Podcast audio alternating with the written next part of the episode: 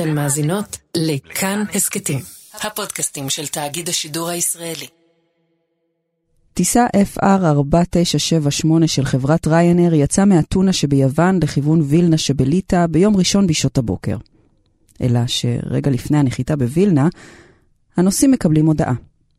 בגלל חשש לפצצה על המטוס, הוא ייאלץ לנחות נחיתת חירום במינסק, בלרוס. The crew of the plane said that there was an explosive device on board, issued a, a cry for help and requested to land at Minsk airport and that's המטוס נוחת, אבל פצצה לא הייתה עליו. לא בדמות חומר נפץ, כלומר. מה שהיה עליו היה משהו מסוכן הרבה יותר למשטר בבלארוס. עיתונאי.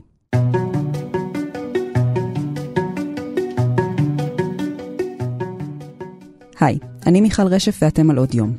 סיפור המעצר של העיתונאי הבלארוסי רומן פרוטסביץ' מסעיר את אירופה ביממה האחרונה. פרוטסביץ' היה על אותו מטוס שהוסט ונלקח למעצר במינסק. חטיפה, טרור מדינתי כינו את זה ביבשת. יכול להיות שהדיקטטור לוקשנקו, ששולט בבלארוס כבר כמעט 30 שנה ורק בקיץ האחרון נבחר בערך, שוב, לנשיאות, הלך צעד אחד רחוק מדי במאבק שלו במתנגדי המשטר? זימנו לשיחת הבהרה את כתב תחום החוץ בכאן חדשות, יואב זהבי. היי יואב. היי מיכל. יואב, מה קרה שם באותה טיסה? אז uh, הטיסה הזאת ממריאה בבוקר מאתונה לווילנה, בירת uh, ליטא. Uh, זה קרה אחרי uh, ביקור של סבטלנה טיכנוסקיה, שעוד מעט גם נגיע אליה, מיכל, שהיא בעצם ראשת האופוזיציה של בלארוס, היא נמצאת עכשיו בגלות וחיה בווילנה, ולטיסה הזאת, למעשה לביקור הזה של טיכנוסקיה באתונה, התלווה גם uh, העיתונאי רומן פרוטסביץ', רק בן 25 מיכל, וכבר יש לו השפעה אדירה. והמטוס למעשה כבר היה כמעט מחוץ למרחב האווירי של בלארוס וכמעט עבר לליטא השכנה, כשלפתע הטייסים מקבלים עדכון ממגדל הפיקוח בבלארוס על אפשרות שלפי הפצצה הוטמנה במטוס. מטוס... מי, מי שולח את הדיווח על הפצצה? או, אז אתמול מספרים בבלארוס שמי ששלח את המייל המאיים שמתריע על פצצה במטוס הוא לא אחר מאשר מיכל, שימי לב לזה, ארגון חמאס. ארגון חמאס. ובחמאס אגב הכחישו את הדיווח הזה. פאוזי ברום, דובר חמאס, התבטא אתמול אחרי שבמשרד uh, התחבורה הבלארוסי טענו שחמאס הוא זה שאיים בפצצה. ובחמאס אמרו שהם לא נוקטים בפעולות מהסוג הזה. כן, זה uh, נשמע קצת מוזר, צריך לומר. זה משונה מאוד. עכשיו, באותו איום, לטענת הבלארוסים, נכתב כך, אנחנו מבקשים שהאיחוד האירופי יפסיק את תמיכתו בישראל, וגם דורשים הפסקת אש בעזה. רק מה מיכל, זה קרה כמה ימים אחרי שכבר נחתמה הפסקת אש ונכנסה לתוקף. אוקיי, hmm. okay, אז אנחנו לא יודעים מאיפה האיום הזה מגיע, והמטוס כבר רגע לפני נחיתה, והוא פשוט עושה סיבוב לנחיתת חירום לכאורה במקום הרבה יותר רחוק מהיעד שלו. נכון, אז הוא היה קרוב יותר לווילנה, בירת ליטא, מאשר למינסק, בירת בלארוס, אבל בסופו של דבר הוא הסתובב ונחת במינסק.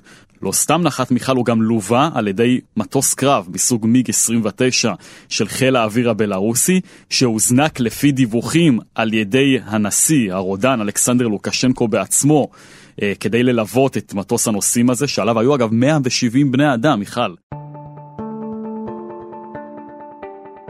המטוס נוחת בבלארוס, ולפי אה, עדי ראייה, הנוסעים שהיו באותו מטוס, אנשי ביטחון בלארוסים עולים עליו עם נשקים שלופים, ופשוט עוצרים את אותו רומן פרוטסביץ', מורידים אותו מהמטוס, בודקים את החפצים שלו, יחד איתו ככל הנראה יורדים לפחות שלושה או ארבעה אנשים נוספים. It appears that the intent of the Russian authorities was to uh, remove a journalist and his traveling companion. Uh, and, you know, we believe there was also some uh, KGB agents offloading... שלטענת גורמים במערב, ובראשם נשיא חברת ריינר, האירית שלה היה שייך המטוס הזה, הם סוכני קג"ב, שירות, השירות החשאי של בלרוס, שליוו את פרוטסביץ' מההמראה שלו באתונה, לא סתם ליוו, עקבו אחריו כבר בשדה התעופה ביוון. It's the first time it's happened to a European airline, but I mean, this was a case of state-sponsored, it was a state-sponsored hijack, it was state-sponsored piracy. טוב, אז פצצה לא הייתה שם, זה כבר אפשר להבין. מה קורה מכאן בעצם? לאן הם נלקחים? אז למעשה כמעט יממה אנחנו לא בדיוק יודעים מה קרה לפרוטסביץ', אנחנו יכולים לנחש שהוא נעצר כי נגדו עומדים כמה כתבי אישום על אה, ארגון התפרעויות במדינה, הכוונה בהתפרעויות הם למחאות הענק שראינו בבלארוס אה, לפני פחות אה, משנה, הוא מואשם בכל מיני סעיפים של חתרנות, וביום שני בערב פתאום אותו פרוטסביץ' צץ בסרטון שמשחרר המשטר הבלארוסי.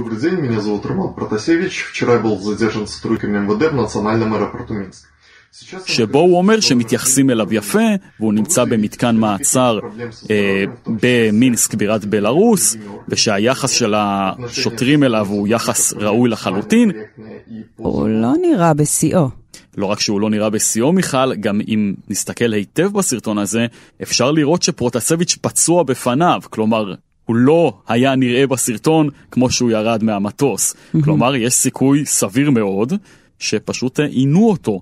אה, בתא המעצר בבלארוס. זה דבר מאוד הגיוני, בהסתמך על אלפי דיווחים ששמענו בשנה האחרונה על פעילי אופוזיציה ועל עיתונאים שנעצרו במדינה הזאת. זהבי, מי זה הבחור הזה? למה הוא כל כך חשוב כדי שיסיטו בשבילו מטוס שלם למינסק? אז אה, רומן פרוטסביץ' הוא למעשה אחד הגורמים העיקריים לגל המחאות הגדול שראינו בבלארוס בקיץ האחרון. גל מחאות שנמשך למעשה עד תחילת החורף. אה, הוא הקים לפני כמה שנים ערוץ טלגרם שנקרא נקסטה, וזה הערוץ המרכזי שדרכו מעבירה האופוזיציה הבלארוסית את המסרים שלה, אה, והוא למעשה אחד מכלי התקשורת החופשיים היחידים שמעבירים מידע לאנשים שנמצאים בבלארוס. Hmm. איך, איך הוא עושה את זה? אז צריך להגיד שנקסטה לא פועל מתוך בלארוס, כי בתוך בלארוס עצמה קשה מאוד לעשות עיתונות אמיתית ולבקר את המשטר. Mm-hmm. אז רומן פרוטסביץ', כמו פעילי אופוזיציה אחרים, בבלארוס גולה למעשה מחוץ למדינה, הרבה מהם גולים בווילנה, בירת ליטא, ורבים אחרים גם בוורשה, הוא חי עם משפחתו בוורשה, ומשם הוא, יחד עם שלושה אחרים, הפעיל את הערוץ הזה שנקרא נקסטה. אני מדבר איתך על ערוץ טלגרם שיש לו משהו כמו אה, 600 אלף עוקבים בטלגרם, אם אני לא טועה, ועוד מיליוני צפיות ביוטיוב. כלומר, יש כאן מנוף אה, השפעה מאוד גדול של הערוץ הזה על החברה הבלארוסית, שמונה בסך הכל תשעה מיליון בני אדם. עד כמה הוא היה מעורב בארגון ההפגנות שראינו בקיץ הקודם?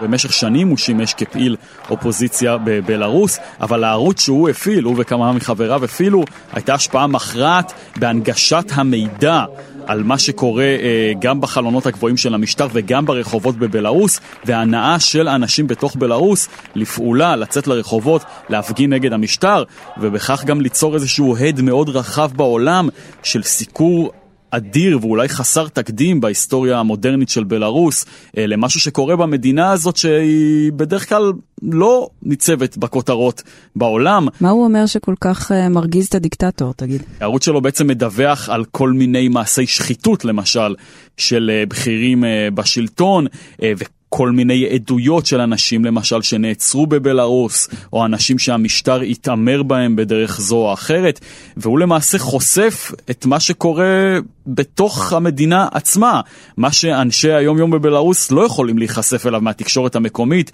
שלא מבקרת את המשטר, כי בלארוס היא לא מדינה דמוקרטית, היא מדינה שהיא כמעט דיקטטורית באופן מלא, ולכן התקשורת שם לא חופשית, בלשון המעטה.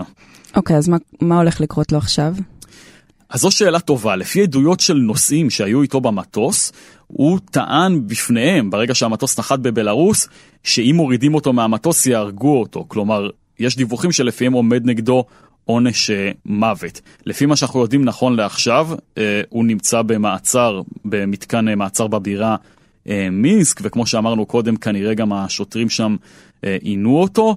לא ברור מה יקרה לו, הוא כן עשוי לעמוד אם לא לעונש מוות, למאסר של עשרות שנים, הוא בכל זאת מואשם באישומים uh, שמקבילים uh, לבגידה במדינה, אבל צריך להגיד מיכל שמדינות המערב מפעילות לחץ, מנסות לפחות להפעיל לחץ על בלארוס בשלב הזה כדי לנסות לשחרר את העיתונאי הזה. האם הוא ישוחרר? אני לא בטוח. טוב, צריך לומר, יואב, אנחנו מדברים על בלארוס כבר... uh... פעם שנייה בשנה האחרונה, כלומר שהיא תופסת את ראש הכותרות. כל זה מגיע אחרי מחאות מאוד מאוד נרחבות שם במדינה אחרי הבחירות האחרונות. נכון. בחודש אוגוסט, מיכל, נערכו בבלארוס בחירות לנשיאות, בחירות אולי צריך להגיד במרכאות כפולות, שבהן זכה הנשיא או הרודן, אלכסנדר לוקשנקו, בכ-80% מקולות הבוחרים.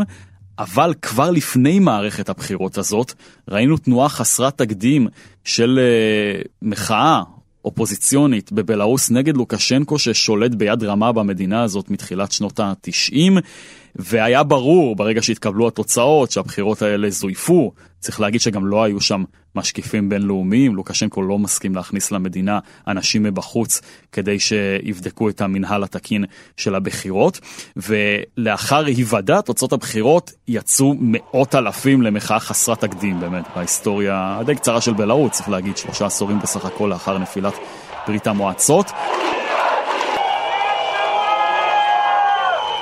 זה לא עבד להם. זה לא עבד להם, לא רק שזה לא עבד להם, גם המועמדת שלהם, סבטלנה טיכנוסקיה, שאפשר להגיד שרוב הציבור הבלארוסי מכיר בה היום כמנהיגת המדינה, נאלצה לעזוב את בלארוס, והיא חיה היום, פועלת למעשה בגלות אה, מווילנה, בירת ליטא, ומדינות מערביות רבות רואות בה היום את המנהיגה הלגיטימית של בלארוס.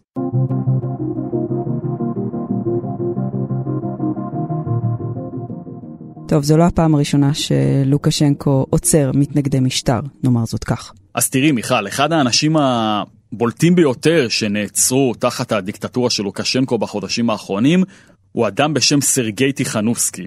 הוא אה, בן הזוג של סבטלנה טיכנובסקיה, הנשיאה של בלארוס לפי האופוזיציה הבלארוסית, ולמעשה היא ממשיכה דרכו, כי עד שהוא נעצר אנשים לא כל כך הכירו אותה. היא בעצם, אחרי שהעלימו אותו, היא בחרה להמשיך את דרכו, וניסה על גבי גל המחאה ונבחרה לפי האופוזיציה בבלארוס לעמוד בראש המדינה הזאת. אז uh, סרגי טיכנובסקי נעצר לפני כמעט שנה, uh, ומאז uh, אף אחד לא יודע ממש uh, מה מצבו, הוא יושב uh, כנראה באחד מבתי הכלא הידועים לשמצה במדינה הזאת. Uh, אדם נוסף ששמו ולרי צפקלו התמודד נגד לוקשנקו בבחירות ובשלב מסוים אנשי משטר הגיעו לבית הספר שבו לומדים הילדים שלו אה, ושיגרו לעבריהם איומים והוא נאלץ לשלוח את אשתו ואת הילדים מחוץ למדינה ואחרי כמה שבועות הוא הבין שגם הוא הולך להצר אז גם הוא בעצמו אה, עזב את המדינה ונמצא עכשיו אה, מחוץ לבלארוס.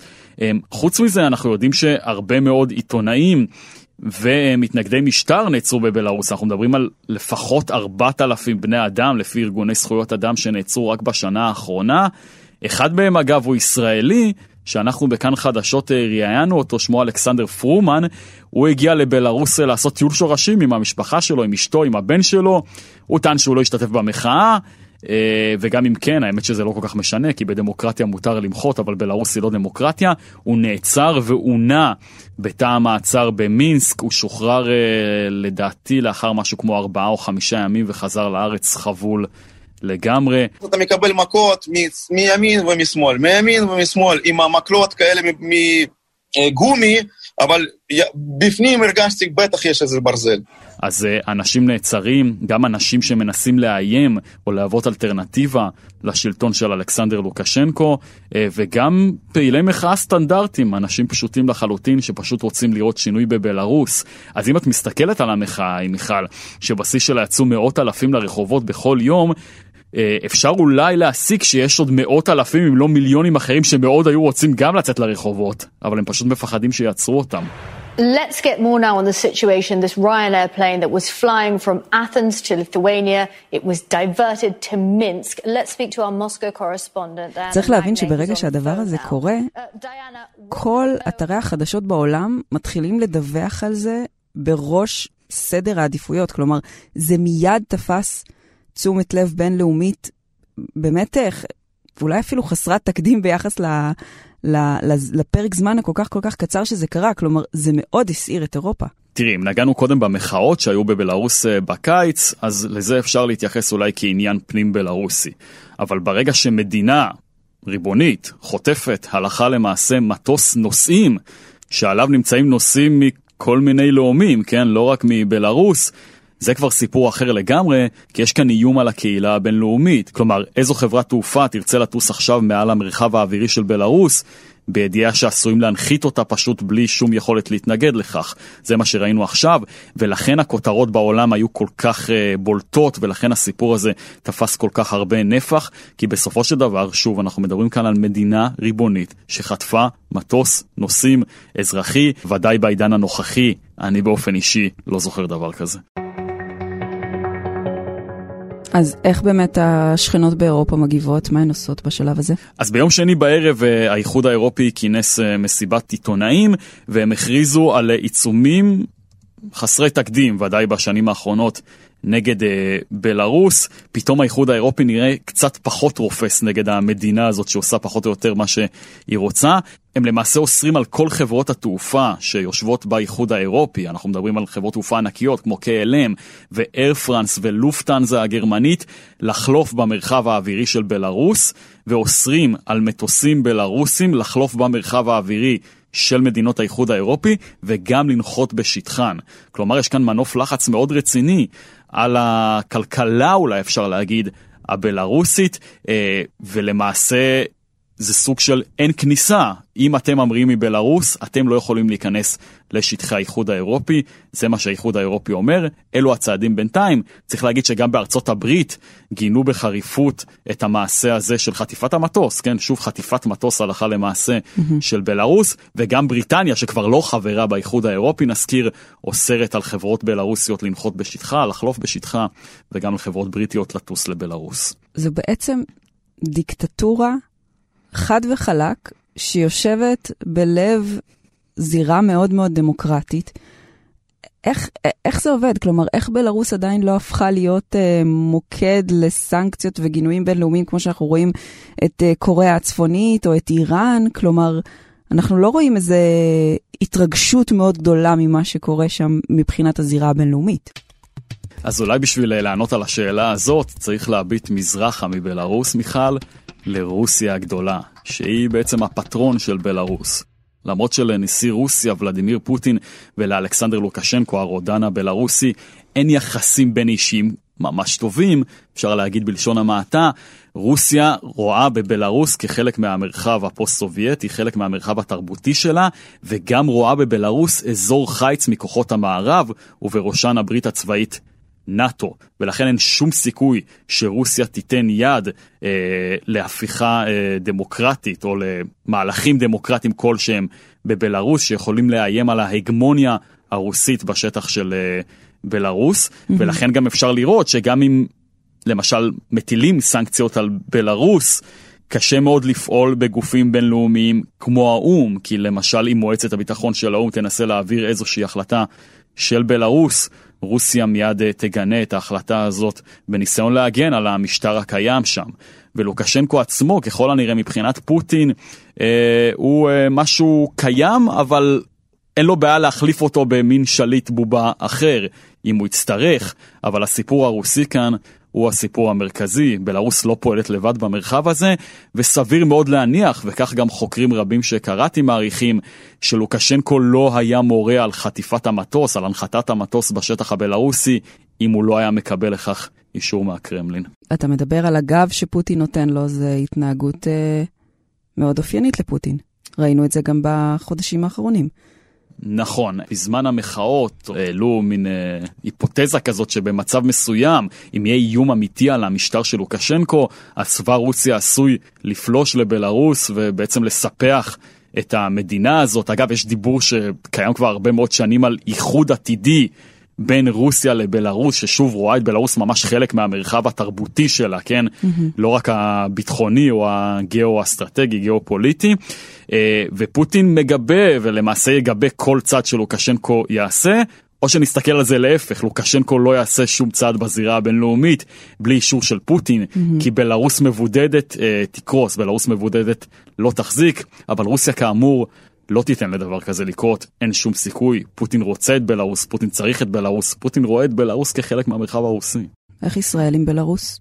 איך נגיד, די סבבה מיכל. Mm. Uh, בניגוד להרבה מאוד מדינות uh, מערביות, לא ראינו גינוי בולט של ישראל מאיזשהו אדם רשמי אה, על אה, זיוף תוצאות הבחירות שם בקיץ. אה, ויותר מזה, מיכל, בחודש נובמבר, ממש בשיא המחאות שם, קצת אחרי שהם התחילו למעשה אולי לדעוך, אה, אלכס גולדמן שיימן, שהוא שגריר ישראל בבלארוס, הגיש את כתב האמנה שלו לנשיא לוקשנקו. והאירוע הזה באמת זכה לביקורת מאוד גדולה מצד מתנגדי המשטר בבלארוס עצמה, וגם מצד ישראלים שיצאו מבלארוס, שרואים במעשה הזה חיזוק לדיקטטורה. אבל אה, מנגד, משהו כמו חודש אחר כך, או שבועיים אחר כך, שגריר ישראל בליטא, אה, יוסי לוי, הוא פגש את סבטלנה טיכנוסקיה, שהיא מנהיגת האופוזיציה של בלארוס, ולפי ישראל הוא הביע בפניה אמפתיה כלפי העם בבלארוס, והביע תקווה שהמשבר במדינה ייפתר במהרה, אבל גם uh, על חטיפת המטוס לא ראינו שום מילה מישראל הרשמית, בניגוד שוב לכל מדינות האיחוד האירופי וגם uh, לארצות הברית. אז uh, היחסים בין ישראל למשטר של לוקשנקו הם לא רק שהם תקינים, הם אולי אפילו קצת uh, חמימים, ונגיד גם שבלוויה, חברת התעופה הלאומית של בלארוס, מפעילה שלוש טיסות שבועיות. מנתב"ג למינסק, טיסות שפעלו גם בתקופת ההיי של הקורונה, ואני לא רואה שהטיסות האלה מבוטלות, למשל היום בלילה תצא טיסה כזאת. יואב זהבי, תודה רבה. תודה לך מיכל. האזנתם לפרק של עוד יום. הפקתי את הפרק יחד עם יואב זהבי. ערך אותו דניאל אופיר. עריכת קול ומיקס, ירדן מרציאנו. הטכנאים היו תמיר צוברי ורועי קנטן. אם אהבתם את הפרק או יש לכם הערות על מה שאמרנו, אתם מוזמנים ומוזמנות לכתוב בקבוצת הפודקאסטים שלנו כאן הסכתים. תוכלו לכתוב גם בדף של כאן חדשות בפייסבוק, או בחשבון שלי מיכל רשף בפייסבוק או בטוויטר. אתם יכולים גם לשלוח את הפרק בוואטסאפ לחברים. רק הצעה. הסכתים נוספים מבית כאן חדשות תוכלו למצוא באפליקציית הפודקאסטים האהובה עליכם, באתר שלנו, בספוטיפיי, וגם ביישומון הרכב החדש שלנו. אני מיכל רשף, נשתמע.